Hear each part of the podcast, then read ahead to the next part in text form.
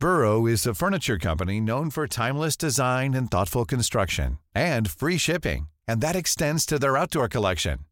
Their outdoor furniture is built to withstand the elements, featuring rust-proof stainless steel hardware, weather-ready teak, and quick-dry foam cushions. For Memorial Day, get 15% off your Burrow purchase at burrow.com slash ACAST and up to 25% off outdoor. That's up to 25% off outdoor furniture at burrow.com slash ACAST. Hi, this is Craig Robinson from Ways to Win, and support for this podcast comes from Invesco QQQ the official ETF of the NCAA. Invesco QQQ is proud to sponsor this episode and even prouder to provide access to innovation for the last 25 years. Basketball has had innovations over the years too. We're seeing the game played in new ways every day. Learn more at Invesco.com slash QQQ. Let's rethink possibility. Invesco Distributors, Inc. Normally, being a little extra can be a bit much, but when it comes to healthcare, it pays to be extra. And United Healthcare makes it easy with Health Protector Guard fixed indemnity insurance plans. Underwritten by Golden Rule Insurance Company, they supplement your primary plan, helping you manage out of pocket costs without the usual requirements and restrictions like deductibles and enrollment periods. So when it comes to covering your medical bills, you can feel good about being a little extra. Visit uh1.com to find the Health Protector Guard plan for you.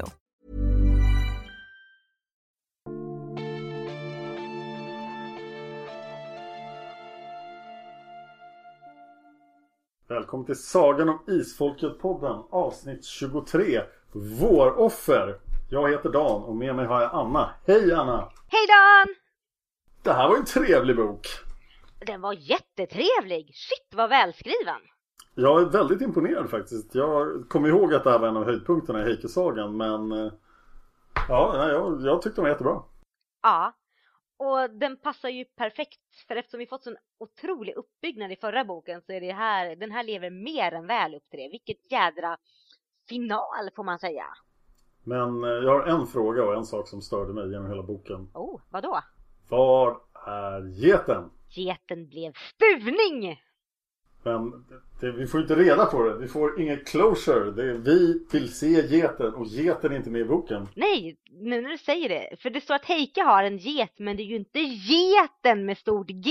Nej och de pratar ju till och med om geten. Att du satt där i ditt eh, torp i flera år med din get. Men det är liksom ingen som reflekterar över var geten är någonstans. Nej, och det har ju bara gått ett trekvarts år så att den lever ju fortfarande. Getter kan väl bli hyfsat gamla i alla fall. Ja, Så vad är geten? Så var är geten? Eh, jag vill berätta att vi inte har några nya iTunes-recensioner. Vi vill väldigt gärna ha det. Så gå till iTunes och ge oss recensioner.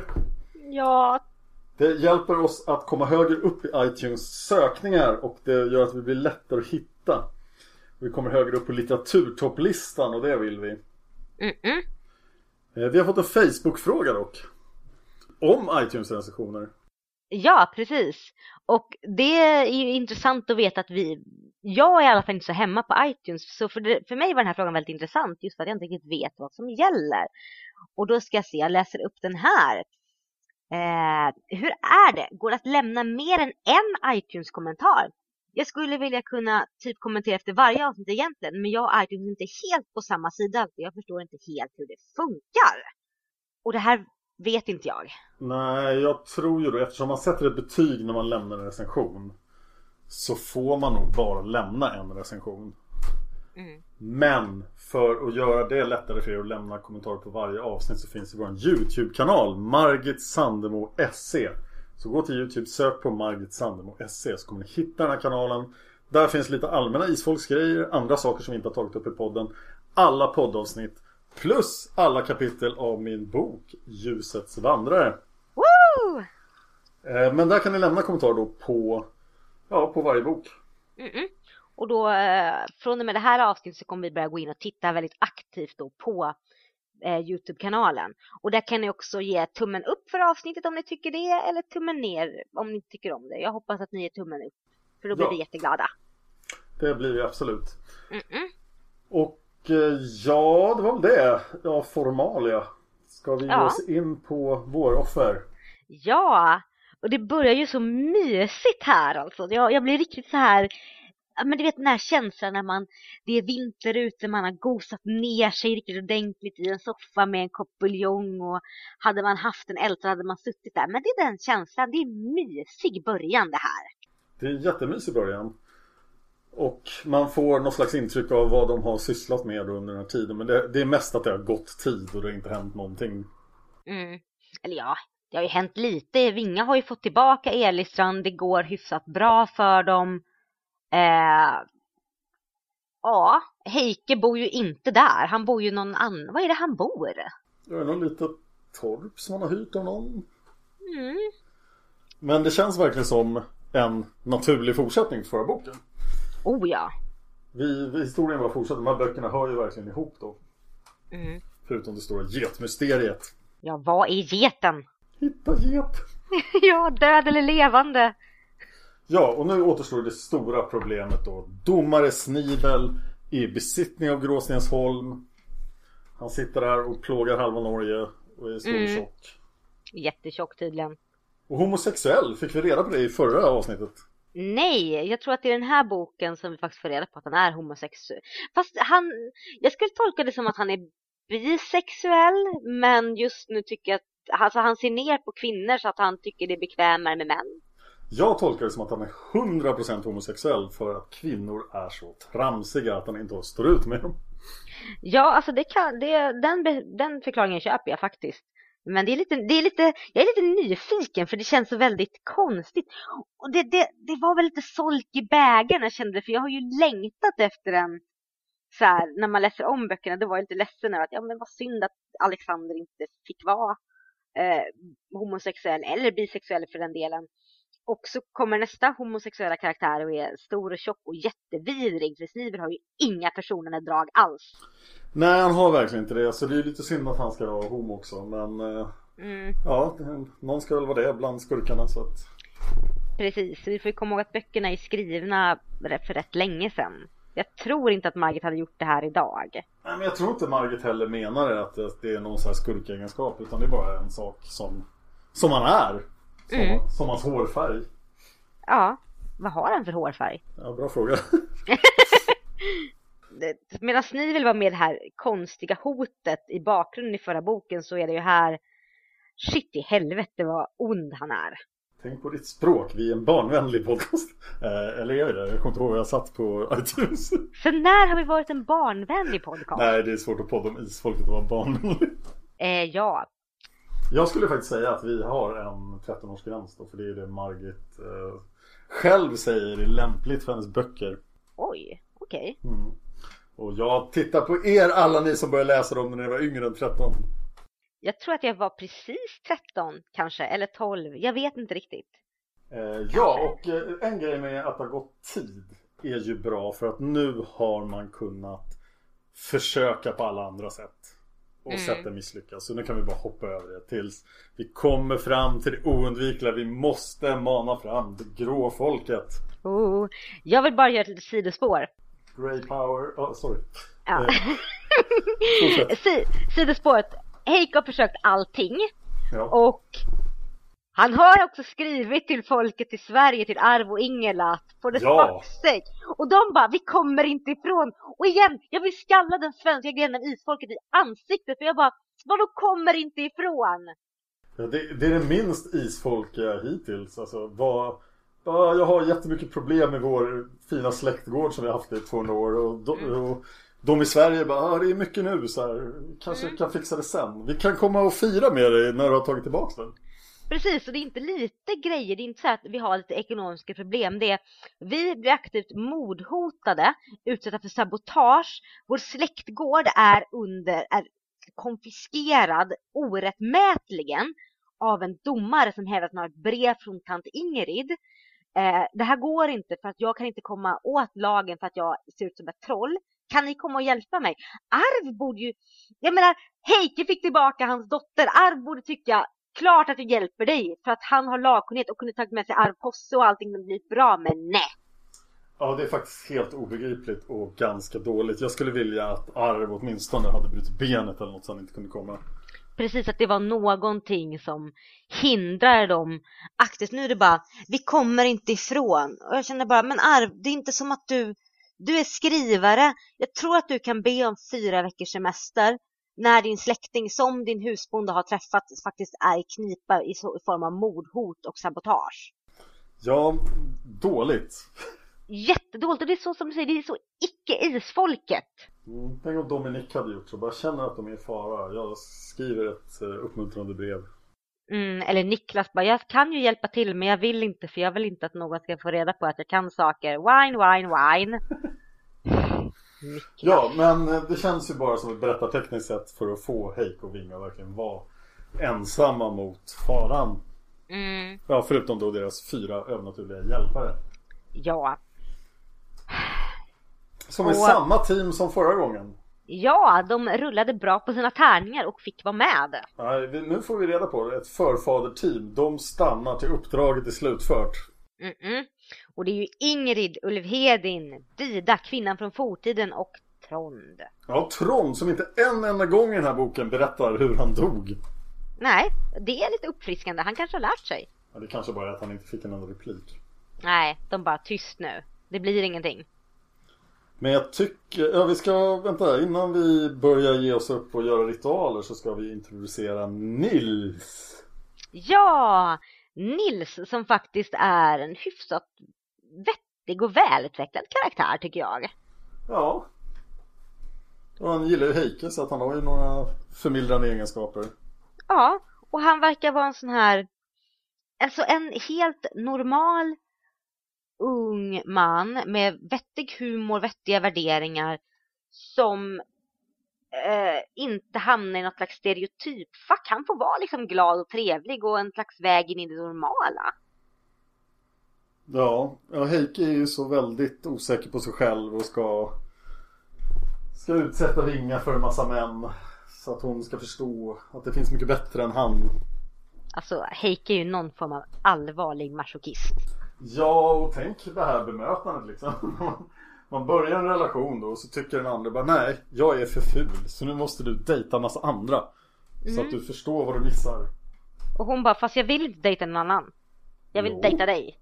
Bara, nej! Ja men då får du dejta mig när jag tar med mig någon annan. Fast det blir jättekonstigt för att han ser ju bra ut. Ja du vill inte ha mig, wow! Ja, det är jättekonstigt och sen blir det ännu mer komplicerat när det visar sig att Nils har en flickvän eller någon som han skriver till. ja, någon, någon käresta i hemstaden. Ja.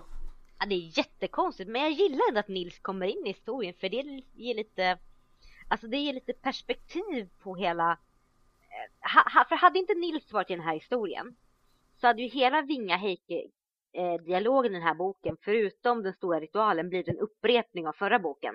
Nu så när det kommer in utomstående så ger det lite perspektiv tycker jag. Det gör det definitivt. Och det ger någon som de kan interagera med. Mm. Nu när geten inte längre finns. Kan Nils vara den naturliga utvecklingen av geten? Oh! Geten utvecklades över natten till en ung man. Mm, jag tror vi släpper det spåret. Eh, ja, var inte geten en kvinna? Jo, den var ju det. Oops. Ja, det är inget mer att säga där. Nils tycker att Vinga är jättemysig och eh, ja. Heike lider och tycker varför måste jag uttala detta? Och jag tycker men Heike ditt spån, det var ju du som satte igång detta. Kan vi gå upp på berget och göra ritualen? Ja, eh, det ska vi göra, men först måste vi ju ha lite så här miniseans på Gråstensholm där vi går igenom skatten. Just det, och där finns det roliga saker. Ja, och det var ju länge sedan vi fick en titt på skatten så jag tycker det är lite intressant det här. Eh, definitivt. Det här svarta katthuvudet bland annat, alla de här ovärdeliga örterna, eh, tinkturerna, brygderna och alla gamla recept som är nedskrivna. Jag tänker mig att så här, för först tänkte jag att de kanske var nedskrivna på näver eller någonting men tror du att någon har uppgraderat dem allt eftersom? Nej, jag tror de är nedskriven på någonting, någonting väldigt hållbart. Kanske på mm. skinn. Det skulle vara väldigt troligt faktiskt. Men det är en fin stund där i, på Elistrand när de står och ljusen slocknar och Heike står och pratar med förfäderna. Ja. Ja, verkligen. Det är mycket stämningsfulla scener i den här boken. Mm. Och det var, ja. Den här interaktionen, att hon vet att de är där och ja. Mm. Och jag tycker det är så fint att Ulvhedin och Ingrid klappar vingar på kinden. Så det är så här, åh, de är ju där på ett väldigt fint sätt. Ja, det är de. Mm. Och jag, jag tänkte hela tiden i den här boken när vi pratade om Korpens vingar så pratade vi om att den skulle göra sig bra som en skräckfilm. Mm. Men den här boken känns egentligen mycket mer som en, en någonting som skulle göra sig bra som en skräckfilm. För att det är så mycket läskiga stämningar och så mycket övernaturliga saker som händer. Och de här olika varelserna i gråfolket så här skulle bli många bra scener. Oh ja. Jag tycker inte den är så jätte... Jag tycker dock inte att den är så skräckfylld men den är ju definitivt stämningsfylld och lite så här smygotäck. Ja, det var det jag menade lite grann. Att som film skulle den bli mycket, mycket läskigare. Ja, du menar just för att den är lite smygotäck. Ja, och så har vi alla de här scenerna när folk blir utsatta för spökerier och så här. De skulle ju Ah, ja. bli jättebra på film. Och gud, det hade inte jag tänkt på. Det hade varit skitläskigt faktiskt. Men den är ju inte i närheten av så läskig som Korpens vingar som bok. Eh, nej, gud nej. Men jag måste bara eh, ta upp en grej. Ja. Vi har förfädersskaran, de här fyra. Ja. Vi vet att Ingrid kan trolla. Vi vet Ja. att Ulvhedin kan trolla. Dida vet vi inte så mycket om, men hon har ju mycket insikt i saker och är en... Hon, hon, hon funkar för mig eftersom hon hör till de förfäderna vi inte vet så mycket om. Så jag tycker det är, det är okej att vi inte vet vad hon kan. Ja. Men vi vet ju att Trond inte kan ett jot om magi. Ja, så vad gör han där? Precis, vad gör han där? Jag Han menar, är... Ja, jag vet, han vill vara med på någonting så att... Det här var hans första uppdrag. Men han kan ju ingenting. Han, var ju, han fick inte ens komma åt skatten. Så när han- de är där och förklarar hur man ska göra med skatten. Mm. Så vad gör Trond? Han bara, ha, det var den jag aldrig fick se. Coolt. Ja, han, han lyssnar och lyckas hålla sig ifrån och berätta om hur han dog. Mm. Det, jag först, det finns så många andra som man skulle kunna tagit med istället. Som hade haft med skatten att göra. Ja, det är sant. Och nu slår det mig faktiskt en sak om häxmästaren som vi ska kolla upp när vi läser häxmästaren. Oh, spännande. Ja, för i den bokserien kan faktiskt svaret på frågan finnas. Åh gud vad spännande och det är ju, nu ska jag säga, det är ju jättemånga böcker tills vi kommer dit. Isfolket är 47 böcker, och Häxmästaren är 15 och då är vi alltså någonstans, ja, det är jättemånga böcker dit. Ja, vi pratar nog 2018. Men vi kommer kanske dit. Det hoppas jag. Mer om det senare. Precis. Men det, det faller lite grann för mig eh, att Trond är med för det finns ingen riktig förklaring till vad han gör där, vad han bidrar med. Dida funkar som sagt för att jag kan tänka mig att om hon är från tiden innan Tengilgodi kanske hon kan massa spexiga saker. Men Trond vet vi att han inte kan någonting. Ja. ja, det är märkligt. Men de Mm. kanske hade tänkt skicka tre så tänkte de, äh, vi kan skicka Trond också. Det kan inte göra någon skada. Nej. Och så kanske det är någon som inte visste hur han dog. Som kan få Dum, dum, dum. Men så här, ja men man hade kunnat skicka, Sol kanske inte fick vara med för hon var. Men Sol hade ju varit klassiker annars. Ja, det var just tanken på sol faktiskt som fick mig att börja fundera på om lösningen på gåtan faktiskt finns i Häxmästaren. Oh. Eh, ja, jag tycker upptakten här är ju fantastisk. Det här, den här scenen och ja, när de ska måla sig och så vidare. Mm. För det är ju, vi vill ju upp på berget och frammana det gråfolket. Ja. Minns vi pratade om det i något tidigare avsnitt just det här att det gråfolket inte anklades an så mycket för den i förra boken. Mm. Men här tycker jag att Margit väver in det så snyggt. Så att när jag läste boken nu så känner jag, men gråfolket har ju alltid funnits där. Det är klart att de har det. Jag tycker referenserna bakåt är så himla bra. Som vi, jag tror vi nämnde något kryptiskt om det när vi poddade om Villemo. Mm. Men att det faktiskt var den hängde mannen från Dödmansträsk.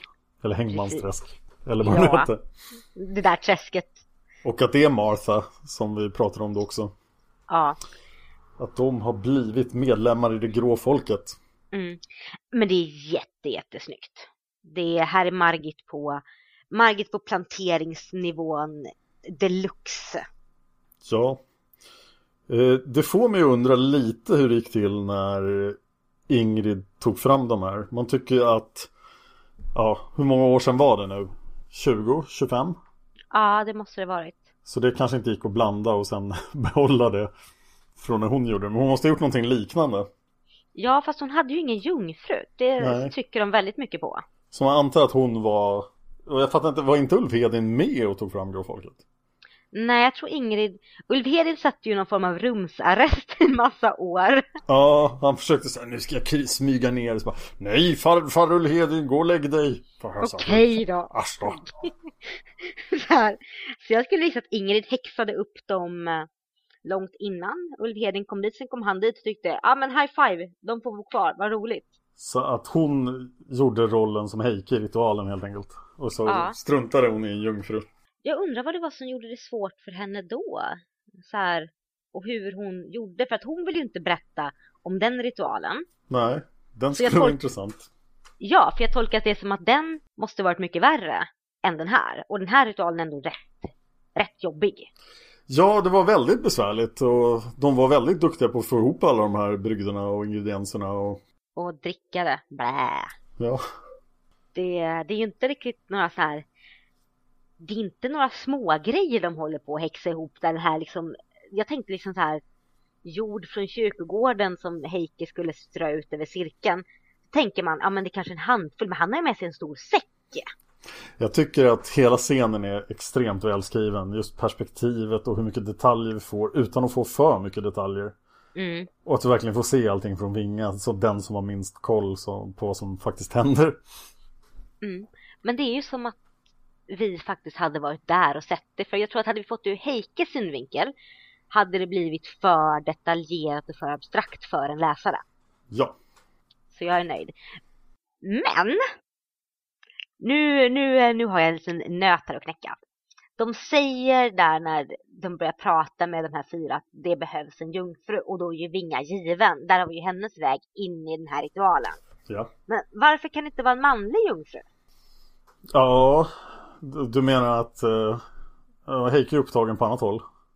Ja, men så här tekniskt sett så om, om, om, om grejen är att han ska inviga en jungfru, eller den som gör ritualen ska inviga en jungfru eh, men han inte inviger henne, han inviger inte Vinga direkt utan det är ju bara hennes bild Ja. eh, Ja det funkar ju inte i och med att eh, jag tänkte att då kanske Vinga hade kunnat ta den rollen och Heike hade varit jungfrun men Vinga är ju inte drabbad så där föll faktiskt hela min teori. Fan också! Det hade varit jätteroligt om Ingrid hade gjort det med någon stackars manlig jungfru från byn. Kom med här. Jag kan verkligen tänka mig Ingrid bara, "Ah, men det här är för the greater good. Han bara, jag är inte helt säker på det här. Jo, jo, ligg nu nu, var tyst. Äh, Och så på med hela säker." den där krigsmålningen på gamla Ingrid liksom. Åh, det, hade Ja, varit, det hade varit tufft att se. Jag vill ha en fanfic om när Ingrid gjorde den här ritualen, fast på sitt sätt, utan jungfru. ja, ingen jungfru.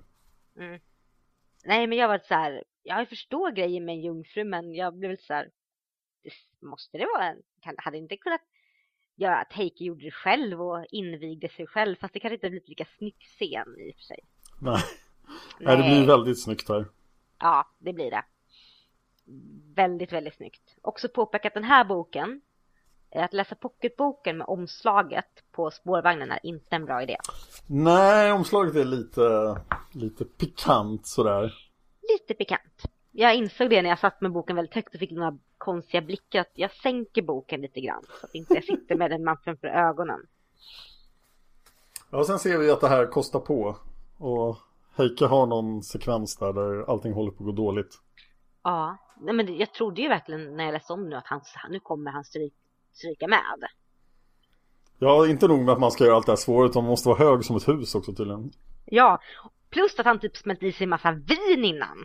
Ja, Och han har inte fått äta någonting förutom det här knäppa brödet. så man kan anta att det grå folket inte blir frammanade allt för ofta. Nej, Så kids, don't try this at home. no. Sen också så, ja, jag förstår ju, de har ju verkligen försökt lösa det på alla sätt de kan.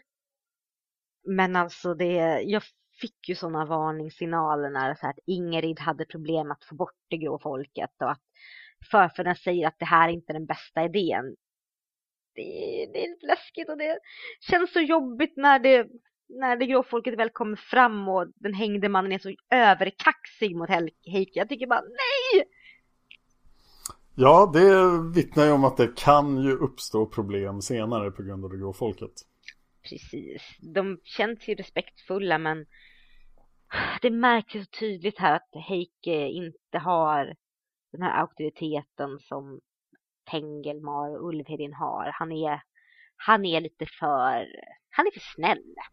Eller Ingrid för den delen då som ju faktiskt använder dem som tjänare.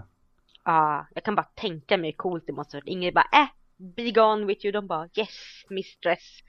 Och Heike som är försöker hitta tonen och de andra gråfolket är mer så här, okej, okay, du får leka härskare ett tag. Eller nu.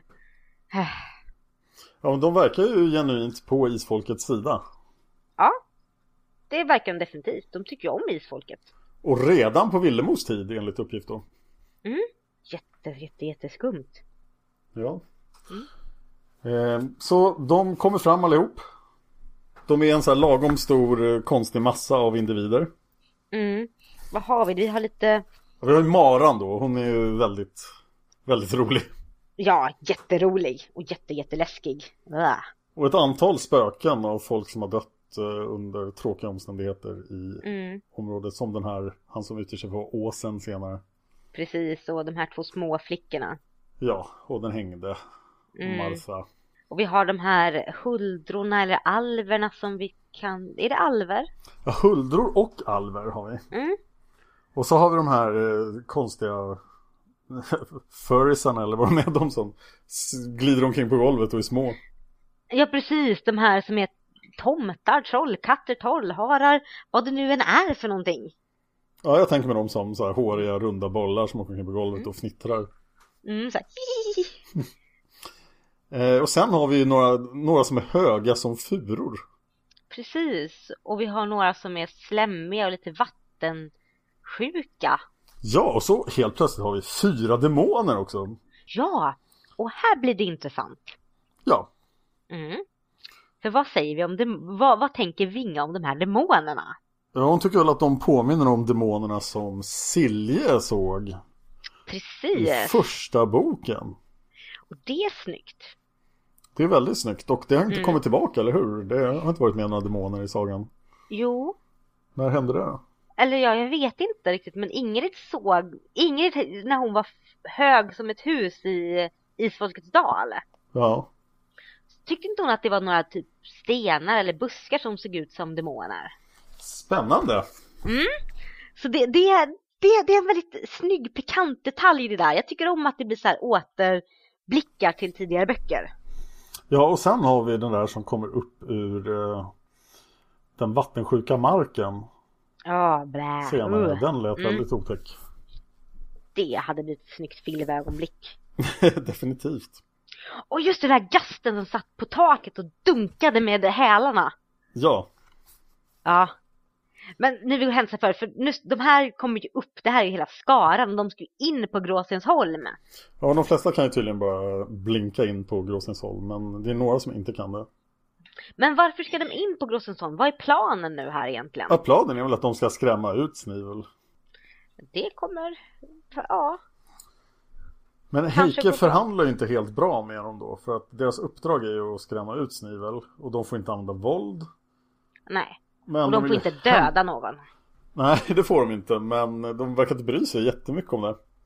Nej, det känns som de ser Heikes order mer som någon slags lösa förhållningsregler mer än direkta Alltså, eller inte ens förhållningsregel mer såhär, ja ja du skrev, du sa det här, vi läser inte det finstilta, whatever.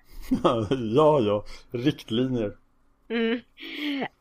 The rules are made to be broken. Men ett våroffer vill de ju ha. Och det ja. råkar Heike lova dem. Ja, och det var ju jävligt nära att det höll på att bli vingar där. För hon stack ju in i den här cirkeln. Ja, det rimmar ju jättedåligt med att de gillar isfolket och, mm. och sådär. Så att det ja. tycker jag inte... Tyckte jag var en konstig reaktion från det grå folket. Precis, och Vinga är ju faktiskt av isfolket. Ja, och eh, det framgår ju senare att det grå folket är ju väldigt rationella. De är inte bara någon naturkraft utan de har ju sina små möten där och, förhand- och den hängde förhandlar med Heike och så här, så de, de är ju en, en lös organisation. Ja, men det verkar som just när det kommer till det här våroffret så det är lite grann som ett rätt skynke framför en tjur. De, de tappar det liksom på något sätt. Ja, det kanske är det bästa som kan hända om man är en av de grå folket, att få ett våroffer. Det är typ som en stor strut med glass. Ja, ungefär. Det känns som det, lite läskigt. Äh. Men de eh, går lydigt med på att vänta en eh, dag då innan de ska till Gråstensholm. Mm. Så Heiko och Vinga får bege sig hem och pusta ut lite grann. Ja, tvätta bort allt kladdig färg. Ja, och de är ju helt utmattade då, men de får ett fint ögonblick där. De kommer varandra nära och sover hela dagen. Mm. Deras kärlekshistoria har ju gått lite grann i stå. Ja, den har ju det, men jag tycker ändå att den är intressant fortfarande här. Det är den definitivt, men jag hade... Det är ju fortfarande på poängen Vinga tycker ligga, Heike tycker åh nej, jag kan inte. Nej, man kan inte ligga. Nej, det går inte. Du vet inte ditt eget bästa och... Ah. Jag skulle nog säga att jag tycker de kommer närmare varandra känslomässigt helt enkelt. De, deras relation fördjupas, speciellt här. Oh ja, det gör den ju. Men att Men- de hamnar i säng med varandra förr eller senare, det inser man ju. Ja, det kommer ju hända. Det är liksom... När det väl sker så är det ju inte så stor överraskning. Det hade varit en större överraskning ifall Vinga hade fallit för någon annan och Heike fått rätt. Ja, ja det, hade, det hade varit väldigt oisfolkigt. Jätteoisfolkigt. Och sen måste Heike hjälpa in dem. Mm-mm. Ska det klängas på tak och de ska knuffas upp för luckor och ned på vinden. Ja, och sen... Sen vet man att nu är Gråstensholm laddat med grå folk. Ja, och Snivel är väl inte där när det här händer? Nej. Och här tycker jag nästan synd om Snivel för att man vet ju att det här... Han har ju ingenting som har någon chans mot det här. Nej, det kommer ju gå dåligt. Och jag hade nog tyckt mer synd om honom om inte det gjort så klart att han har inga försonande drag. Vi får ju reda på nu också här att när Snivel väl dyker in i betsen att hans brorson har ju blivit avrättad för det som hände med Elistrand och han hade ju bara så här, ah, men jag var tvungen att typ, han, han offrades för min skull. Det känns ju som ett väldigt hårt straff för att lura till sig en gård. Ja, det känns det som. Alltså så här, det är gå, men just det ja. Jag kom på varför han blev avrättad. Varför blir han avrättad? Eh, för mord. Ja, ja, det är ju lite bättre anledning. Ja, han förgiftade ju Elisabeth. Just det. Mm. Så Ja. det kan ju vara orsaken. Det är inte bara gården. Det är ju, det är mordet på Elisabeth. Det är eh, gården och sen är det att han tog massa pengar från Vemund Tark och förskingrade och drev gården till ruin. Av med hans huvud. Precis. Men just att det, men det är inte Snivels brorson. Han bara, eh, det var tvunget att hända. Huvudsaken är att jag fick behålla mitt gods. Ja, som sagt, inga förmildrande egenskaper. Nej. Men han har ju en lakej, den gode Larsen. Ja. Och vad tycker vi om Larsen egentligen? Ja, han var ju rätt intressant tycker jag. Han är den här, han drivs bara av sin ambition och försöker göra det mesta av sin position han har lyckats komma över. Mm. Så han är beredd att göra vad som helst för att göra karriär. Ja. Och han gör det! Han är ju liksom, han ställer liksom upp i sängen. Och jag är faktiskt, jag, jag kommer ihåg det här mycket mer än vad det var tyckte jag att det var så här. Åh, vad snuskigt men det var ju nästan ingenting om det. Nej. Det nämns i några, liksom, några rader över några sidor att Larsen ställer upp i sängen och det här och det här och det sägs lite grann att det kan vara lite jobbigt för att Snivel är så stor och otymplig men det går bra ändå. Romantik. Absolut, den sanna romantiken. Det störde mig att man faktiskt inte fick reda på om Larsen fanns i Snivels testamente eller inte. Nej men precis, för det är det som är Larsens hela drivkraft. Ja, och det tycker jag efter allting han hade varit med om så var nästan värd att vara i Larsens, eller i Snivels testament. Eh, ja, gud ja. Men vi får inte reda på det, det var lite störande. Det är lite störande. Och jag tycker väl att hade inte Larsen varit med så hade ju nog hela Snivel, så hade Snivel varit mycket mer ointressant för mig. Ja, Larsen är ju en väsentligt intressantare karaktär än Snivel. Ja, Snivel är så stereotypt ondskefull och elak och har alla motbjudande drag så att han blir väldigt platt för mig.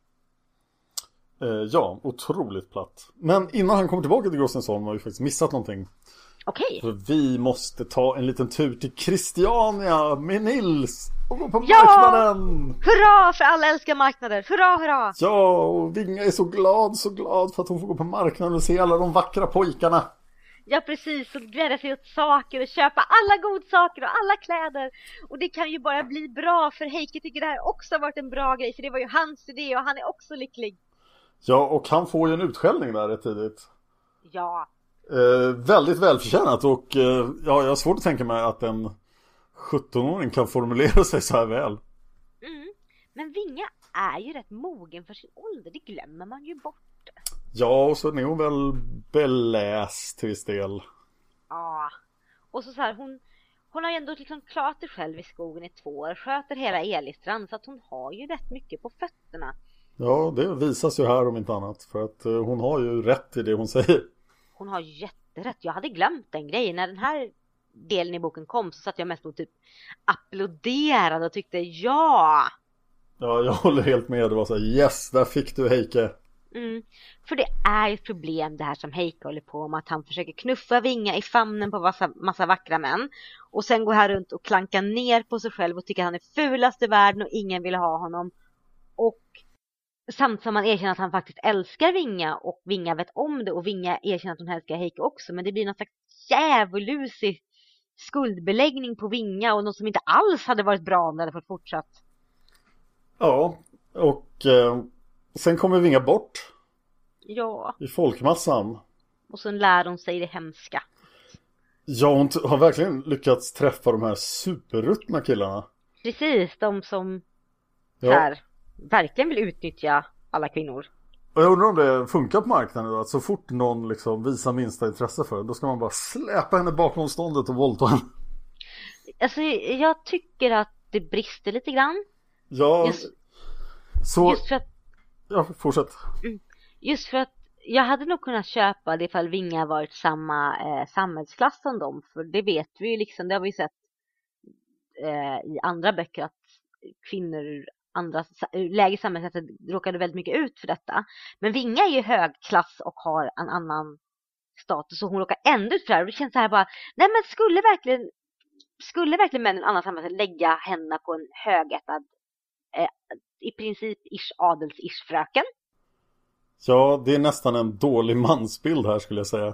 Eh, ja. Men mitt tips till alla er killar där ute är att om en flicka visar intresse för er så visa lite intresse tillbaka. Kanske fråga om ni kan träffas och lära känna varandra lite. Släpa henne inte bakom skjulet och våldta henne. Nej, och säg inte till din polare din tur sen. Nej, för det är inte så det fungerar. Nej, och om du tycker att det är så det funkar så kanske du bör ta en sväng till en terapeut.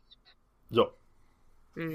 Så väldigt, dålig, väldigt dåliga män på marknaden. Mm. Och jag vet inte, jag tycker ju att det finns ju, jag tycker väldigt mycket om Vingas utställning av Heike. Jag tycker väldigt mycket om att Vinga faktiskt sedan blir svartsjuk också. Och att båda, liksom att hon får en insikt i att så här kan det vara att vara svartsjuk och det är det Heike genomlider. Och att båda kommer närma varandra. Men just Ja. den här grejen med att Vinga så, att det blir så väldigt så här, titta Vinga, alla män är jätteonda egentligen. Det blir lite, det blir lite skrivet på näsan. Ja. Eh, Då har vi kommit fram till scenerskan. Ja! Och hon är jättebra. Ja, verkligen, verkligen jättebra. Det här är Det- sånt där jag verkligen vill läsa i sådana här böcker.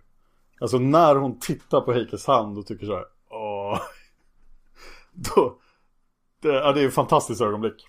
Ja, och just hur Heiko hon får den här omedelbara, eh, vad säger man, Sam, känner den här samhörigheten mellan varandra. Ja. Och det som, ha- hade jag sett det som en film så hade det varit liksom att de stod och tittade på varandra och pratade.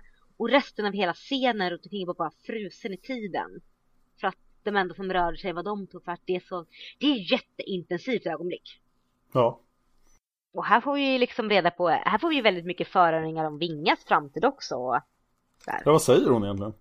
ska se om jag hittar det här. Uh, da, da, da, mm, mm. Eh, ett enda barn. Du får ett mycket långt liv, ett enda barn får du. Och ett kärleksfullt äktenskap. Mm. Sorger gör men också många glädjeämnen. Ja. Ja, och jag ser en kamp mot en bitter, en bitter strid mot en ond person. Ja. Så det, det är ju saker, allt det här händer ju i den här boken. Ja. Om vi nu förutsätter att hon får ett långt och kärleksfullt äktenskap med Heike. Så att, eh, ja, det är allt. Det är allt. Men det är, det är väldigt bra. Och Heikes livslinje är ändlös. Mm. Vad betyder det? Ja, det vet vi inte, men det är otroligt effektfullt. Betyder det att Heike inte kan dö? Dum, dum, dum. Odödligheten. Mm. Okej, okay, och sen kom Snivel tillbaka. Ja, och eh, det har inte gått så bra på Grossesholm när han var borta nu när då folk kommer in. För folk flyr till höger och vänster. Ja, jag gillar just att de har organiserat sig. De har en plan. Liksom, dag ett, skräm stallpojken. Dag två, mm. skräm någon annan. Mm. Och de tänker göra Snivel helt ensam. Ja, så han är, är lämnad till dem. Men det är lite som det grå folkets fackförening som verkligen beslutar. Okej, okay, det är ju den enväldige hängande mannen som beslutar men att de ändå sitter där bara vad ska vi göra nu och hur gör vi det här på ett effektivt sätt? Ja, man undrar ju lite var hans auktoritet kommer ifrån. De kanske har röstat fram honom, han kanske är årets ordförande. Ja, precis. Ja, läskigt. Men, eh, de men har en plan här och de utför en väl. Jag tycker att det är lite fascinerande att Larsen är så världslig att han inte märker särskilt mycket av det här. Mm. Eh, och här är en liten teori så att Larsen beskrivs som otroligt pragmatisk och utan fantasi. Ja. Eh, om alla hade varit som Larsen hade de inte heller påverkats av regionfolket utan de varit så här jättepragmatiska, praktiska, tråkiga, fantasilösa människor. Ja, ja, nu spökar det på vinden. Då går vi inte upp dit. Precis, vi låter det vara och så sköter vi grejer. Ja. Tänk ifall hel... hade, hade grovfolket misslyckats då? Jag tror inte det. Till slut hade de blivit tvungna att inse. Mm, Men jag hoppades ett litet tag på att Larsen faktiskt skulle vara fullständigt immun mot det grå folket. Det hade varit jättefräckt. Ja, att han var så världslig och hade förlorat all sin fantasi så att det gick inte att spöka från honom. Nej, precis så att de typ står och bara äh, och han bara Ursäkta, du står i vägen för min städning. Ja, eller att han bara helt enkelt inte såg dem. Att de inte fanns för honom.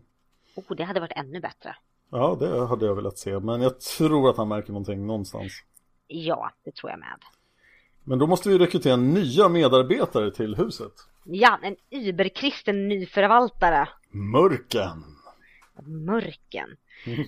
Det, han verkade så intressant när han kom in men sen så faller han liksom på någon slags bakgrundsfall och blir platt, platt, platt. Ja, superplatt. Men han, han var väldigt bra introduktion tycker jag. Jättebra. Så potential som inte förverkligades. Mm, det är synd. För det behövs ju lite andra karaktärer för att basera upp Snivel. Och eh, han hade, jag hade velat se honom växa lite grann. Alltså mörken. Ja, faktiskt. Och det kändes ju som att han hade någon slags... Han var så självgod så han kunde hävda sig mot Snivel. Mm. Och Snivel behövde honom så mycket. Ja. Men icke. Och de ena efter den andra skräms ju bort här och till slut så blir det ju... Ja, det blir ju det blir så långt att Snivel beslutar sig för att nu jävlar tar vi ihjäl Heiko Vinga. På riktigt. Ja. Och ju mer jag tänker på det desto Desto tråkigare tycker jag det är att Snivel faktiskt är totalt chanslös från första början. Ja.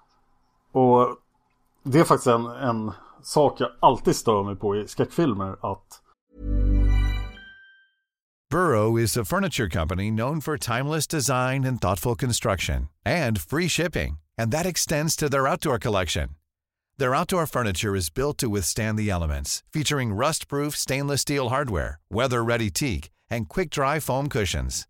For Memorial Day, get 15% off your Burrow purchase at burrow.com slash ACAST and up to 25% off outdoor. That's up to 25% off outdoor furniture at burrow.com slash ACAST. Hi, I'm Daniel, founder of Pretty Litter. Cats and cat owners deserve better than any old-fashioned litter. That's why I teamed up with scientists and veterinarians to create Pretty Litter. Its innovative crystal formula has superior odor control and weighs up to 80% less than clay litter. Pretty Litter even monitors health by changing colors to help detect early signs of potential illness. It's the world's smartest kitty litter. Go to prettylitter.com and use code ACAST for 20% off your first order and a free cat toy. Terms and conditions apply. See site for details. Since 2013, Bombas has donated over 100 million socks, underwear, and t shirts to those facing homelessness. If we counted those on air, this ad would last over 1,157 days. But if we counted the time it takes to make a donation possible, it would take just a few clicks. Because every time you make a purchase, Bombas donates an item to someone who needs it. Go to bombas.com slash ACAST and use code ACAST for 20% off your first purchase. That's bombas.com slash ACAST, code ACAST. Kristendom aldrig fungerar. Inte aldrig, men väldigt sällan. Mm. Och när de hämtar prästen och så här, jag, jag skulle vilja sett att prästen hade någon form av effekt. Men att han kanske var en ganska halvkass präst så att han var inte tillräckligt för att göra någonting mot det grå folket. Men att att det ändå hade någon, men de säger ju till och med att det är ju en irrtanke att det skulle ha någon effekt.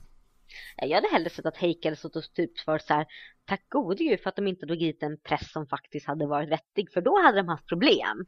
Ja, att det, det, skulle kunna varit något fel på prästen Att han hade begått synder och därför hade förlorat då sin gudomliga kraft I allting vi har lärt oss om kristendomen hittills i den här serien mm. Tyder väl på att det är ett fullständigt lurendrejeri Att det inte finns någon gud Att kristendomen bara är ett bländverk, eller hur? Ja, det står ju väldigt mycket fast i dödens trädgård och säger att ja men tror inte människor på gudarna så försvinner de. Mm. Så, här, så att, och det, det, det, det, tar ju översätt direkt i kristendomen att det finns bara så mycket makt som vi ger den och här så känns det ännu mer väldigt inrubbat att nej men kristendomen är bara konstigt. Ja fast om det var så mm. då skulle Gud vara jättemäktig för det är massor av folk som tror på honom.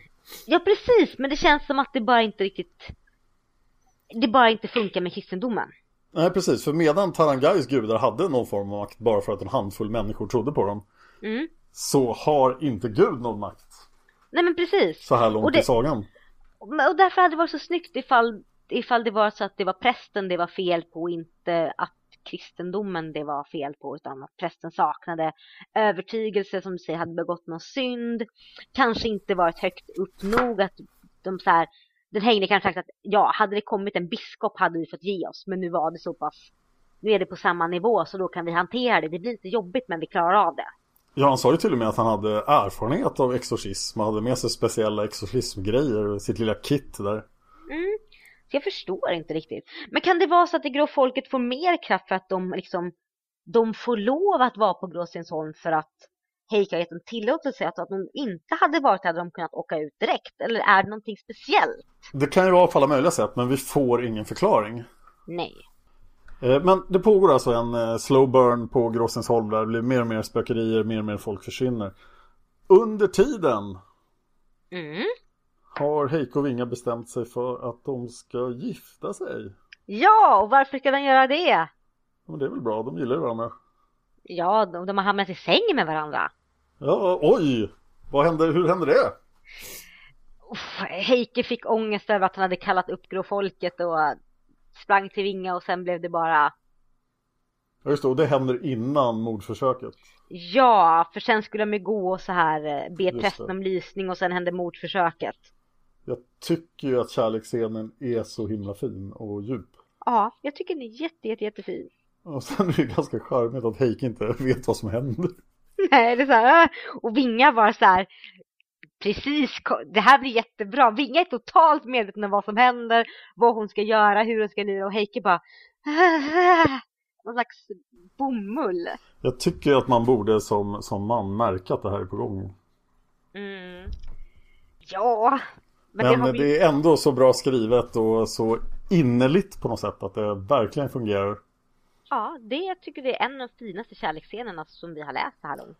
Ja, det är ett tråkigt resultat då att Heike är så välutrustad så gör det jätteont på Vinga och så måste hon hålla masken. Ja, men de... Det blir på något sätt ändå väldigt bra för båda vill det här. Vinga vill det, Heike vill det. Eh, och de lyckas ändå göra det fint för varandra trots att det blir väldigt smärtsamt för Vinga för att Heike är så välutrustad. Ja, någonting som jag tycker den här boken och förra boken har sålt in i det här laget är att de här två människorna passar fantastiskt bra för varandra. Ja, Och är ett jättefint kärlekspar.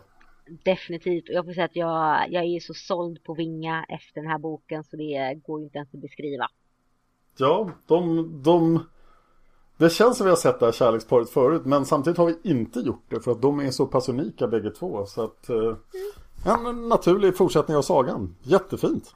Ja, och sen gillar jag gillar Vinga för hennes omedelbarhet, att hon har sån jävla riv och ser så sig själv. Sen tycker jag perspektivbytet just när det börjar hetta till var ganska mäktigt också. Att plötsligt har vi Vingas tankar Mm, om Heike. ja. Jag tycker det är jättesnyggt. Ja, det är, det är jättefint. Och det är så fint, ja det är fint. Mm. Sen är det lite mer snivel och spökerier. De är ju faktiskt, just ja, de, efter mordförsöket går de till Grossesholm och då skriver ju faktiskt Snivel över Grossesholm på Heike. Ja, oj nu blev det snabbspolat. Ja men det, är det det? men Ja, det vi måste ha mordförsöket först. Ja just det ja. Okej, vi tar mordförsöket först. För nu visar det sig att Snivel har precis tre man. Det kändes som att han hade mer folk förut. Ja, men nu har han tre stycken väldigt mordlystna karar som eh, han skickar ut på uppdrag. Ja, i förra boken så hade han väl hur mycket folk som helst. För då var det väl fyra som de slogs mot. Eller Ja. fem. Och det var bara en liten del av styrkan. För det var de som råkade bevaka just den vägen. Mm. Men nu känns det som att det, det, det liksom, de han har fått lite, lite, vad säger man, lite manfall. Ja, eller de kanske är upptagna annanstans. Han har tre som jobbar direkt med honom på plats. Ja, det kan det ju vara, att de andra är liksom eh, tillgängliga över hela Norge. Ja, men jag noterar ändå den skill- stora skillnaden från förra boken. Men det kanske ska tydligen vara en så här tydliggörelse för att visa att Snivel faktiskt är helt ensam. Ja, så iväg med de här tre mördarna som då råkar bo utanför Gråstisholm. Så de påverkas inte av spökerierna. Nej, Än. Dum dum dum. Så iväg och tanken är att vi inte kan skjuta på Ving och Heike trots att det väl har skjutits förut. Precis. Men de beslutar sig för att ta det gamla hederliga och slå ihjäl dem. Ja, eller kniva dem åtminstone, men inte särskilt effektivt. Nej. Det går inte alls bra. Nej. Eh, Så Vinga går jämt mot en Mm. och Heike bara slår ihjäl de stackare. Ja. För att han råkar vara jättestor och jättestark. Nej men just det, förlåt. Jag, jag vände på händelserna. Han slår ihjäl honom och sen så har de sex. Ja, jag tänkte väl att det var så. Ja förlåt, det är jag som har vänt på allting. Eller han slår inte ihjäl honom, han ramlar och slår huvudet i en sten. Och sen har de sex. Ja, det stämmer. Mm. Eh, Ja, men det är ju sånt som upphetsar en när man har blivit överfallen och slår ihjäl sina anfallare. Ja, då jädrar. Ja, fast det är ju Heike som har så mycket ångest så att det är bara, han måste ju söka trygghet och vinga bara. Äntligen, nu jädrar blir det åka av. Så var det, vilken miss vi gjorde där. Alltså jag Ja. läste i boken igår.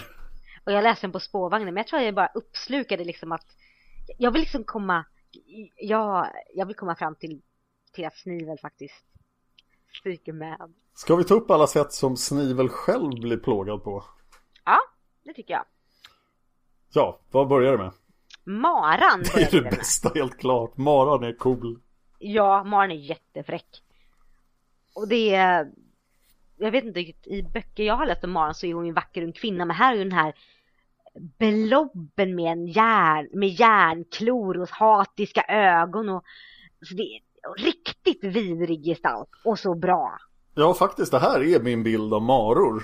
Men Mm. den kanske kommer från den här boken. Tror det med, för de flesta Maran man läser om i folksagor beskrivs som unga vackra kvinnor, men den här bilden är ju way mycket bättre. Ja, det här, det här känns ju verkligen obehagligt att vakna upp till. Eh, ja.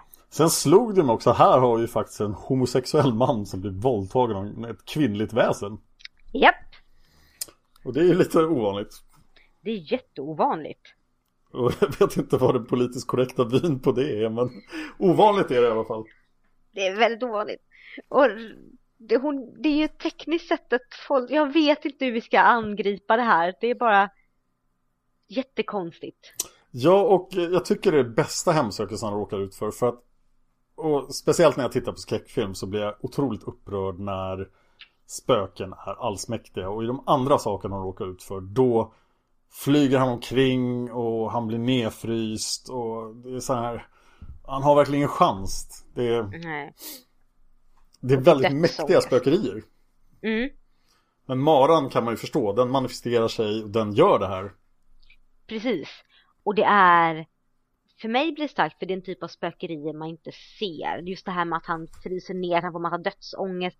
Det är sånt som man förväntar sig, men det här förväntar man sig inte. Då tycker jag de andra spök, då tycker jag spökerierna de anställda på som råkar ut för är mycket mer effektiva.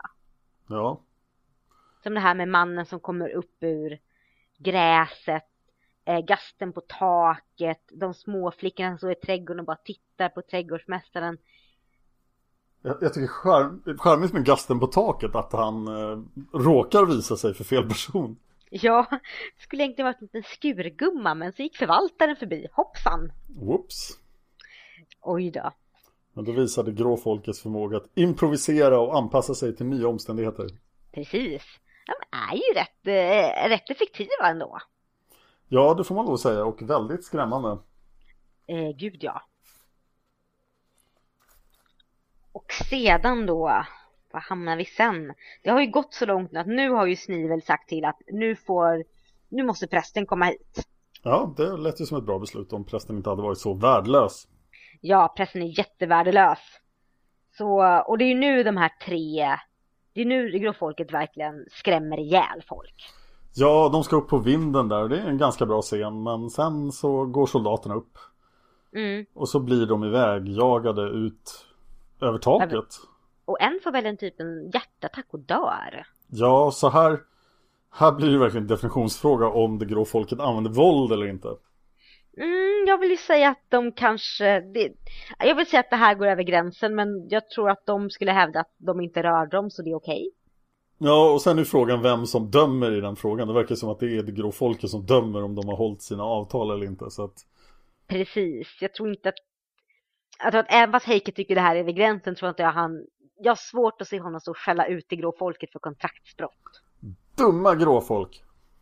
Stygg gråfolk! Nu får Dum, ni stå dum, i, dum! Nu får ni stå i skamvrån i fyra månader. Åh! Åh nej! Vi går väl genom väggen och kommer in genom dörren på andra sidan. Vad ska du göra? Inte så mycket. Ja, sen hade vi den där spionen på Elistrand också. Det var en verkligt uh, intetsägande historia. Det var så här, det finns en spion, ja det är hon, vi slänger ut henne. Ja, nu finns det ingen spion längre. Precis, det är så här, hepp. Ja, Det, och så bara, vi förlåter henne för att hon var förälskad. Så här, visst, det, det var lite läskigt med så här, det finns någon som avslöjar grejer och därför typ det råkar ut för massa grejer, men det känns som det hände så mycket annat så att det liksom, det hade inte behövts den grejen. Nej, och skulle den nödvändigtvis vara med så hade jag gärna sett den lite utvecklad så man hade kunnat få fundera på så här, ja det fanns två misstänkta. Och sen var det, vi vet ingenting om dem och det var hon. Precis, det en, en, en tråd för mycket i den här soppan helt enkelt. Ja, faktiskt. Mm. Och vad händer sen? Heike kommer att springa dit. Och Ja, ringa. han, ja, för de ska ju hitta prästen. Ja. Ja, Ja just det, och prästen är på Gråstensholm. Så att, och Ja. så får väl Heike reda på att det händer något otäckt på Gråstensholm. ja, de ser ju det här när de kommer dit. Att två ramlar ut och en får hjärtslag och sen så Just det. Men de vill, ta, de vill ta ut lysning och så säger de ju faktiskt till Snivel att du har ingen rätt att vara här. Och det är nu Snivel faktiskt går med på att skriva över det. Ja, och man kan förstå att han går med på det. Ja, Och han kommer ju ganska lindrigt undan hit. Han har ju ändå stulit gården. Det är bara ge upp gården. Åk tillbaka till Christiania och fortsätt vara en äcklig domare. precis. Det, det är väldigt bra deal faktiskt. Ja. Och det här med rösterna som viskar i hans öra och så här, det tyckte jag var bra gjort. Jättebra gjort. Det här lukten av rutten jord och man bara, och alla hörde rösten. Men det grå folket är ju mycket mer planerande än så. För de har ju planterat den här tanken om bergskammen. Precis, herr Asen. Mm, och malmfyndigheterna. Mm. Som nu kommer tillbaka och Snivel tycker jag kan ju sälja av saker innan Heike får tillbaka gården. Det kan han ju ha. Så ett sista nedrigt beslut av Snivel som totalt ger honom hans slutgiltiga öde. Och jag tycker det är så effektfullt eftersom man inte får se vad som händer men vi får ju reda på det ändå. Ja, det, det var nog lika bra det. Ja, det hade, det känns som det blev en väldigt kladdig historia. Väldigt kladdig. Mycket fett måste ha varit inblandat. Eh, ja, gud ja. Uh, mm. Eh, Och här ja, får vi ju, och här så... får vi, ju ja, vi får ju hinten om här hur farliga gråfolket faktiskt är. Ja, de verkar jättefarliga. Det är svårt att jämföra med någon tidigare övernaturlig kraft vi har sett. För de här, de är väldigt många, de gör väldigt mycket saker och ja, de verkar livsfarliga. Ja, och här bryter de faktiskt att Feike sa att nej, ni får inte döda dem bara. Ni får inte döda men du lovas ett offer och du sa inte vem så vi omvandlar att det här blir vårt offer så dödar vi honom. Absolut, Mm. det funkar. Lawyered. Ja, man bara vad hände här? Eh, jag, av någon anledning så vill jag hela tiden att det skulle vara några mossmän med bland det grå folket. Oh, det hade varit jätte... Men det var ju inte det. Jag tolkade saker som mossmän och sen, äh, det var nog inte mossmän. Nej, jag tolkar aldrig som mossmän tror jag för att jag tänker att de hör hemma i Danmark. Jag fattade fortfarande inte vad det var som var högt som furor. Inte jag heller. Men någonting var högt som furor. Det är ganska Ja. högt. Jättehögt. Men de kanske, ja, det kanske var en typ av spöken. Kanske? Ja, vi, kanske, det vi kanske det får var reda på mer. Det hoppas jag. Det var inte demonerna som var höga som furor. Det var det inte va? Nej. Nej, jag tror inte det. Spännande. Eh, så att här, då har vi tagit tillbaka Gråsensholm. Det är äntligen isfolkets händer igen. Mm-mm. Och Vinge och Heike gifter sig. Ja, de gifter sig och Ja. så funderar de, vad ska vi göra med Elis Strand? Och så kommer vi tillbaka till Fröken Karin. Fröken Karin. Ja, Fröken Karins skyddsling, det här barnet som hon räddade från slummen Ja, just det. Hon... tillsammans med eh, Elisabeth. Ja. Sofie Magdalena. Ja. Eller? Mag... Mm. Hon får flytta in på Elis Strand och det var ju kul återknytning. Jättebra.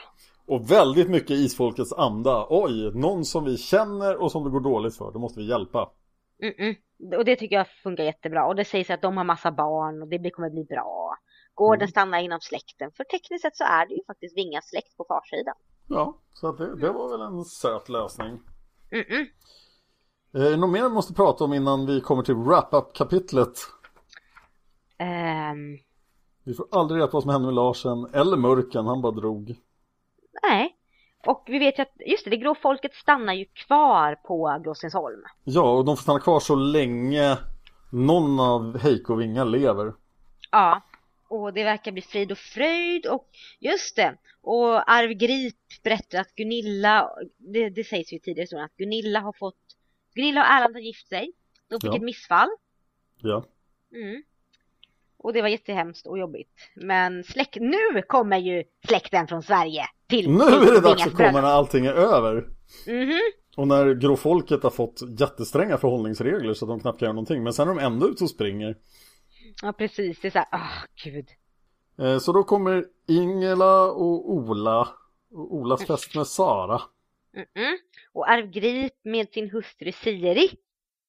I Kvarnbäcken till och med. Mm-mm. Och Gunilla och Erlind kommer inte. Och eh, nej men det är ett fint litet bröllop. Advokat Menger kommer också. Ja, han verkar ju faktiskt botad han med. Så Heike har ju någon form av förmåga här. Ja men det slås ju fast här att han faktiskt har helande händer eller? Ja, och eftersom han är mycket trevligare individ än Niklas så har han inte lyckats dölja det tillräckligt bra. Så nu kommer han att bli vallfärdad till och folk kommer att vilja bli helade. Hurra! Hurra! Förfäderna är med på partyt och sen är det dags att diskutera den nästa generationen. Mm. För vi vet ju att i den nästa generationen så kommer någon att drabbas av förbannelsen. Precis, men det vi får veta i den här boken är att det inte blir Heikes son. Eller?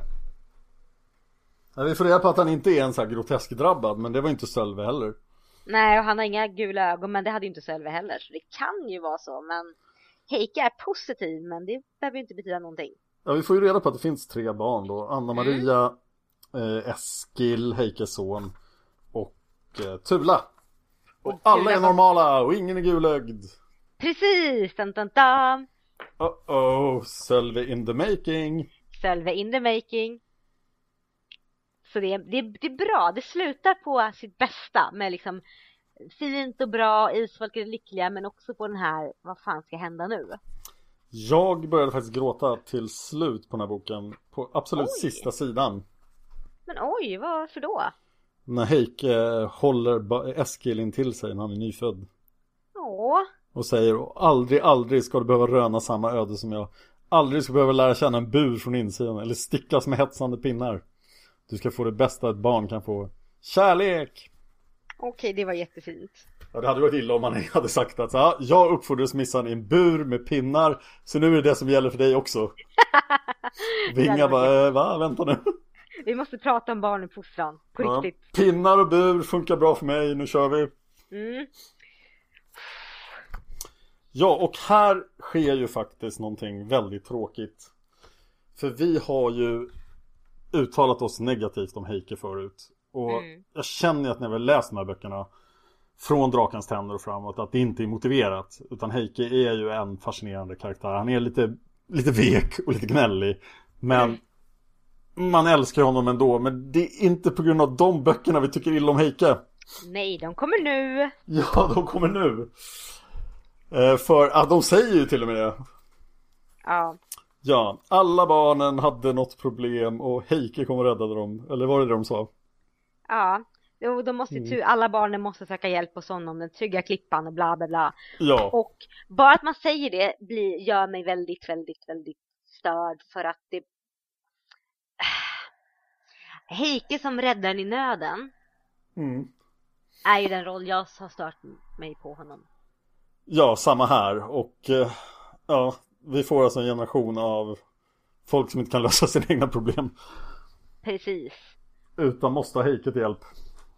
Ja, men kanske så blir det bättre nu när vi läser om böckerna. Men det är nu som, kära lyssnare, som det kan finnas risk för att Heike faller för mig. Jag hoppas att det blir bättre. Jag hoppas vi får se Heike och Vinga. Det känns som att Vingas historia, just speciellt med Senersans profetia också, är helt avslutande. Att hon bara kommer att fungera som ett backdrop för Heike. Det är jättetråkigt för Vinga är fantastisk. Ja, jag hoppas att det inte blir så. Vi hoppas vi får se mera av eh, ja, folk som löser sina egna problem. Ja, precis att det inte blir den här Who you gonna call? We call Heiken, everything's gonna get okay. Ja, vi fick ju en försmak lite av vad Heike kan göra i rollen som räddaren i nöden när han var hos Gunilla och Arv. Mm, Och ja, jag är nervös nu. jag är jättenervös och det är, det är tre barn vilket innebär att det blir, kan bli väldigt mycket. Det kan bli väldigt mycket. Mm. Vi hittade inte ens en enda fel och miss i den här boken. Det finns ingen fel och missar-tråd på forumet. Om Nej. våra offer. Och jag hittade ingenting i boken att anmärka på heller. Det är extremt ovanligt att det inte finns några fel och missar i en Isfolkbok. Jag tror i princip nästan alla andra böcker har en tråd. Vi har två sidor med trådar om fel och missar. Mm. Men Men, vi- här, eh, Ja, den här sticker ut. ja den kändes oerhört välskriven. Mm. Jätte, jättebra. Om ni vill skriva in fel och missar ni hittar andra böcker, gärna i de böckerna med nummer 24 och högre då. Så gå till isfolket.se, klicka på forum och där kommer ni in till forumet och där kan ni även skriva era synpunkter på böckerna. Ni kan rösta på böckerna. Ni kan ge varje, bety- varje bok betyg 1-10 och när vi har poddat alla 47 avsnitten så kommer vi att sammanställa en topplista över Isfolket-böckerna. Ja! Bra! Ja, men inför den här boken så ställde vi också frågor till er som några av er har svarat på. Och det händer då också här på forumet. Och vi ställde frågorna, vad tycker du om boken? Vilket är bokens bästa ögonblick? Och vilken är din favoritkaraktär och varför? Ja! Ska jag köra först? Ja, Ja, första svaret kom från mamma Tova som skriver Underbar bok, spännande, gripande och fascinerande. Karaktärerna är fina i denna bok också och slutet lyckas verkligen ladda upp stämningen inför kommande böcker. Ser jättemycket fram emot det. Det är ganska mycket humor i den här boken och det uppskattar jag. Relationen mellan Heike och Vinga är mer balanserat, vilket är positivt. Bästa ögonblicket? Uppe på klippåsen när de gör ritualen för att mana fram grofolket. Både spännande och erotiskt. När Heike dricker dryckerna och manar är det otroligt spännande. En blandning av Shira Ulvhedin-känsla. Däremot blir man ju sjukt nyfiken på vad det finns i kärlen med tanke på att de skriver att Heike fick göra fasansfulla saker för att få tag på allt. Favoritkaraktär? Behöver ni fråga, Smiley? Så jag gissar på att mamma Tova menar Heike. Jag tror det också. Mm. Annat, eh, vidare skriver mamma Tova, annat jag reagerar på. Fat-shaming om domare Snivel och, och jag citerar i boken inte hade han blivit slankare sen i fjol där han måste se sin bror som förlorar en rättegång. Eh, mamma Tova skriver Först är det lustigt och jag fnittrar lite. Men samtidigt inger det en känsla av obehag och ett lätt förakt mot överviktiga personer som jag inte tycker om. Nu är ju inte Snivel den mest sympatiska karaktär Margit skapar. Men detta är ett sätt att göra narr av hans vikt och lustifiera honom just för att han är en stor person och inte på grund av hans vedervärdiga karaktär. I övrigt finns det knappt någon ände på hur vedervärdig herr Snivel är.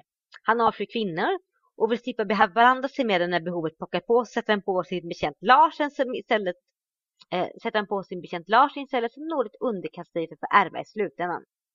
Det två påminner till viss del för övrigt om Mr. Burns och hans bekänt. I Simpsons? Ja. Ja, definitivt. Eh, vidare skriver mamma Tova Heiko och Vinga önskar att Gunilla ska få den drabbade. Känns lite fel. Borde istället inte önska det på en av isfolksmännen så att en icke-isfolksfru måste riskera att dö. Är inte släktkänslan så stark ändå? Och varför önskar Heike det på Gunilla som man känner och tycker om? För att all släkt varit förskonad, men Gunilla har väl ändå haft ett ganska pissigt liv. Ska hon då få ännu mer skit för att resten av hennes närmaste släkt haft det bra? Konstigt sätt att tänka. Jättekonstigt sätt att tänka. Ja, faktiskt. Hela biten var märklig. Ja, det är inte som att önska det på någon.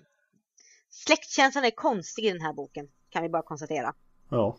Mm. Vidare skriver mamma Toa. Förrädaren på Elistrand heter Ella. Samma bok som Stella i bok 7 använder sig av för att mygla sig in som piga och försöka förgifta Jessica Cross. Undrar om Margit känt något med det namnet som representerar alla lömska hembiträden. Ja, jag tror att Margit har haft ett lömskt hembiträde som heter Ella. Definitivt. Nästa person som svarar Heike. Vår Iber-moderator på forumet. Eh, den här bokens handling minns jag väl men jag glömmer alltid bort vad jag tycker om den. Det brukar visa sig att jag på det stora hela gillar den. Bokens bästa ögonblick.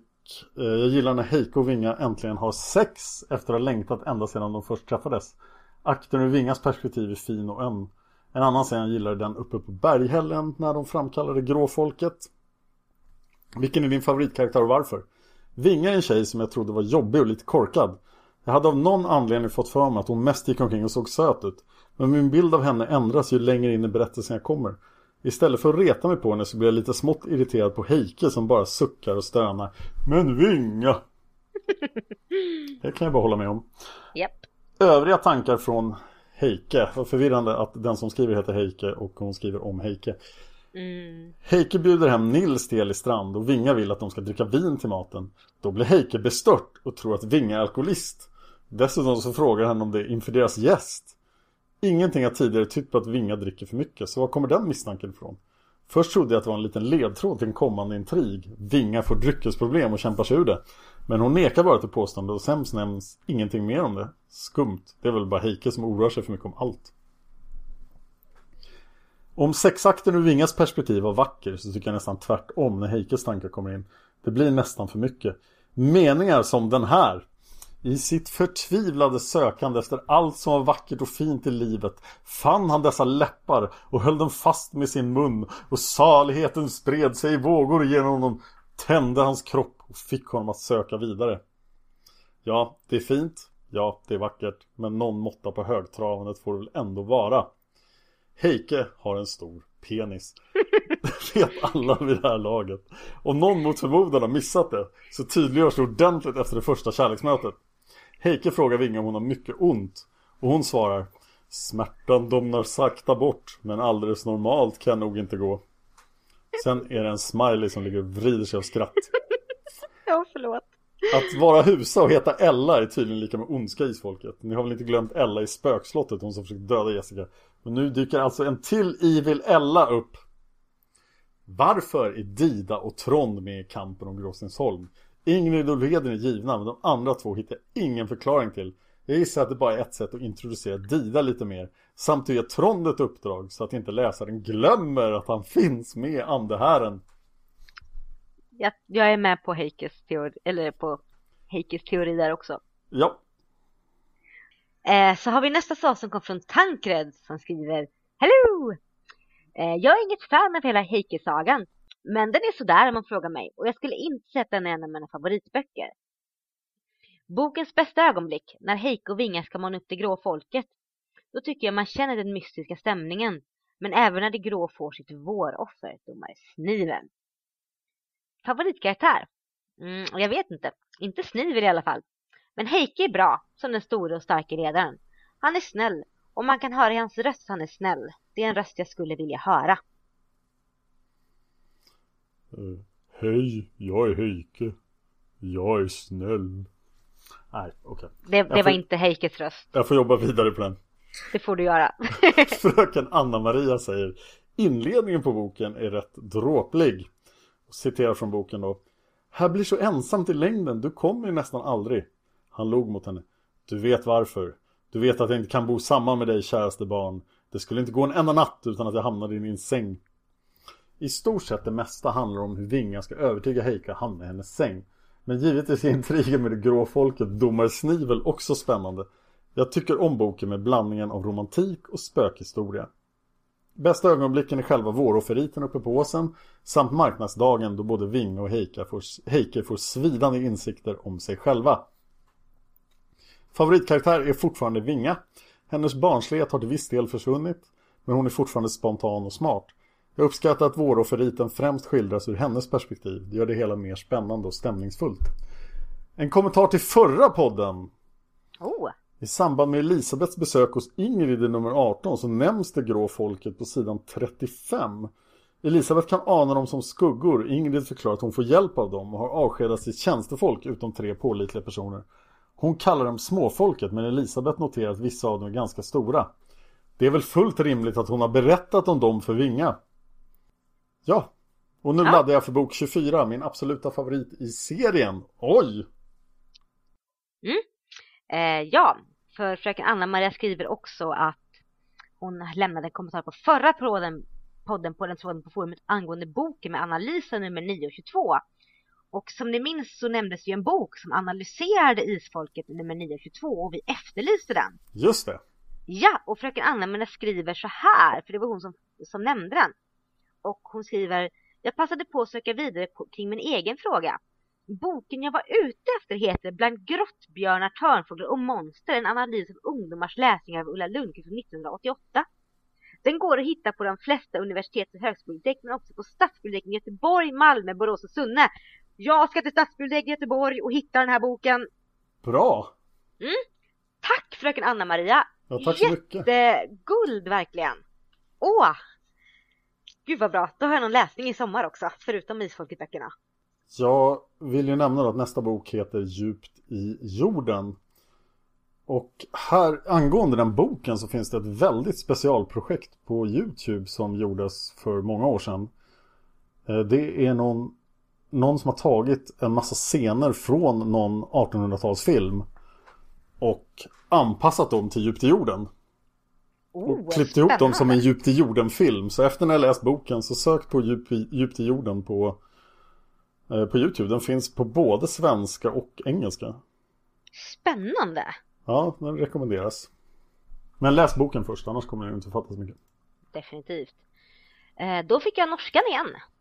Ja, Ja, har hunnit komma? Det måste ha kommit precis. Silja Angrimsdatter skriver eh, på svaret. Vad tycker du om boken? Detta har väl aldrig varit någon stor favorit, men den är faktiskt bättre än jag mindes. Jag har aldrig tyckt om det grå folket något särskilt, men det är ganska nöjsamt att läsa om hur de skrämmer sniver från sans och, sans och vett. Jag skulle bara önska att de försvann lika snabbt igen. Eh, och för att komma tillbaka till något jag nämnde för länge sedan. Ledaren för det grå folket är ju den hängde mannen i Hängmansträsket som nämns i Vinterstorm. Ja. Mm. Bokens bästa ögonblick. Heikes glädje efter att lilla Eskil är fött. Eh, mäktigt. Marknaden där både Heike och Vinga får, får upp ögonen för lite av varje. Och ögonblicket de till slut får varandra. Favoritkaraktären? Det tror jag måste bli Vinga. Jag är glad i Heike också. Men det börjat bli lite väl många böcker om honom. Han är sympatisk och fin, men... Behöver lite driv. Precis. I nästa bok där kommer däremot en av mina absoluta favoritmän. Det gläder mig. En liten kuriositet. Sagan om Isfolket var ett ämne i kvitt eller dubbelt mot slutet av 80-talet. Självklart med Margit som en av domarna. En av frågorna gällde ledaren för det grå folket, vem han var och när han dök upp första gången. Den unga kvinnan som var uppe och frå, pra, eh, fick frågan om ämnet svarade att han först dök upp som hängmans, eh, som hängmans, nej att han först dök upp vid hängmansträsket i Vinterstorm. Men det ville varken programledaren eller Margit godkänna. Efter lite överläggningar fick de svar att de var ute efter våroffer och den unga kvinnan kunde gå därifrån med toppvinsten på 48 000 kronor. Mötet, ett möte med Margit i Valdes, tur åker tur till Island, en PC och andra priser. Ha. Ja, och faktiskt kan man ju bli väldigt regelteknisk där för att den hängde dök väl aldrig upp i Vinterstorm, han bara nämndes. Ja. Och han säger ju han... själv här att han visade sig ju inte för Villemo. Nej, precis. Så att jag är ju beredd att tycka att det svaret som Margit och programledaren gav var ju helt rätt. Ja. Eh, sådär, men jag kan förstå att det blir så här, det blir lite konstigt för att hade man inte tänkt på det så hade man tänkt att ja, men han nämns ju där men han, det är ju träsket som han är hängt i som nämns så han visar sig aldrig. Precis. Mm. Och det var de synpunkter vi hade fått in. Ja, det var allt om våroffer då. Precis. Så vi är tillbaka djupt i jorden. Ja. Var kan lyssnarna hitta mer av dig, Anna? Ja, jag har en blogg, blogspot.se där jag börjat blogga lite mer under sommaren. Där får man jättegärna gå in och läsa vad jag tycker och gärna lämna en kommentar eller två. Jag har även en Facebook-sida, Setsuna Seras, som man jättegärna får gå in och gilla. Där postar jag ut mina bloggposter men även lite roliga bilder och saker jag tycker är intressant i form av länkar och annat. Sen finns jag på Twitter under Anna Seras och man får jättegärna gå in och följa mig där. För där skriver jag om allt möjligt, främst om spel. Och Dan, vad kan man hitta mer av dig? Det är lättast att hitta mig på Facebook för jag är den enda som heter Dan Hörning där. Eh, jag finns på Twitter som Dan Horning också men nu under veckorna framöver kommer jag nog att vara en del på semester hade jag tänkt. Men vi håller takten med Isfolket-podden. Vi kommer inte att slacka. Det kommer vi definitivt inte göra. Ja, djupt i jorden. Djupt i jorden, vi ses där! Eller kanske tidigare än så. Kanske det. Dum, dum, dum. Hej då!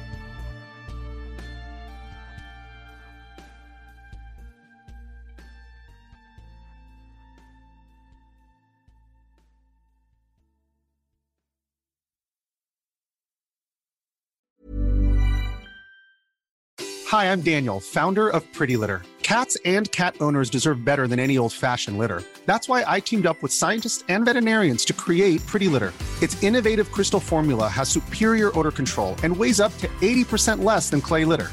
Pretty Litter even monitors health by changing colors to help detect early signs of potential illness. It's the world's smartest kitty litter.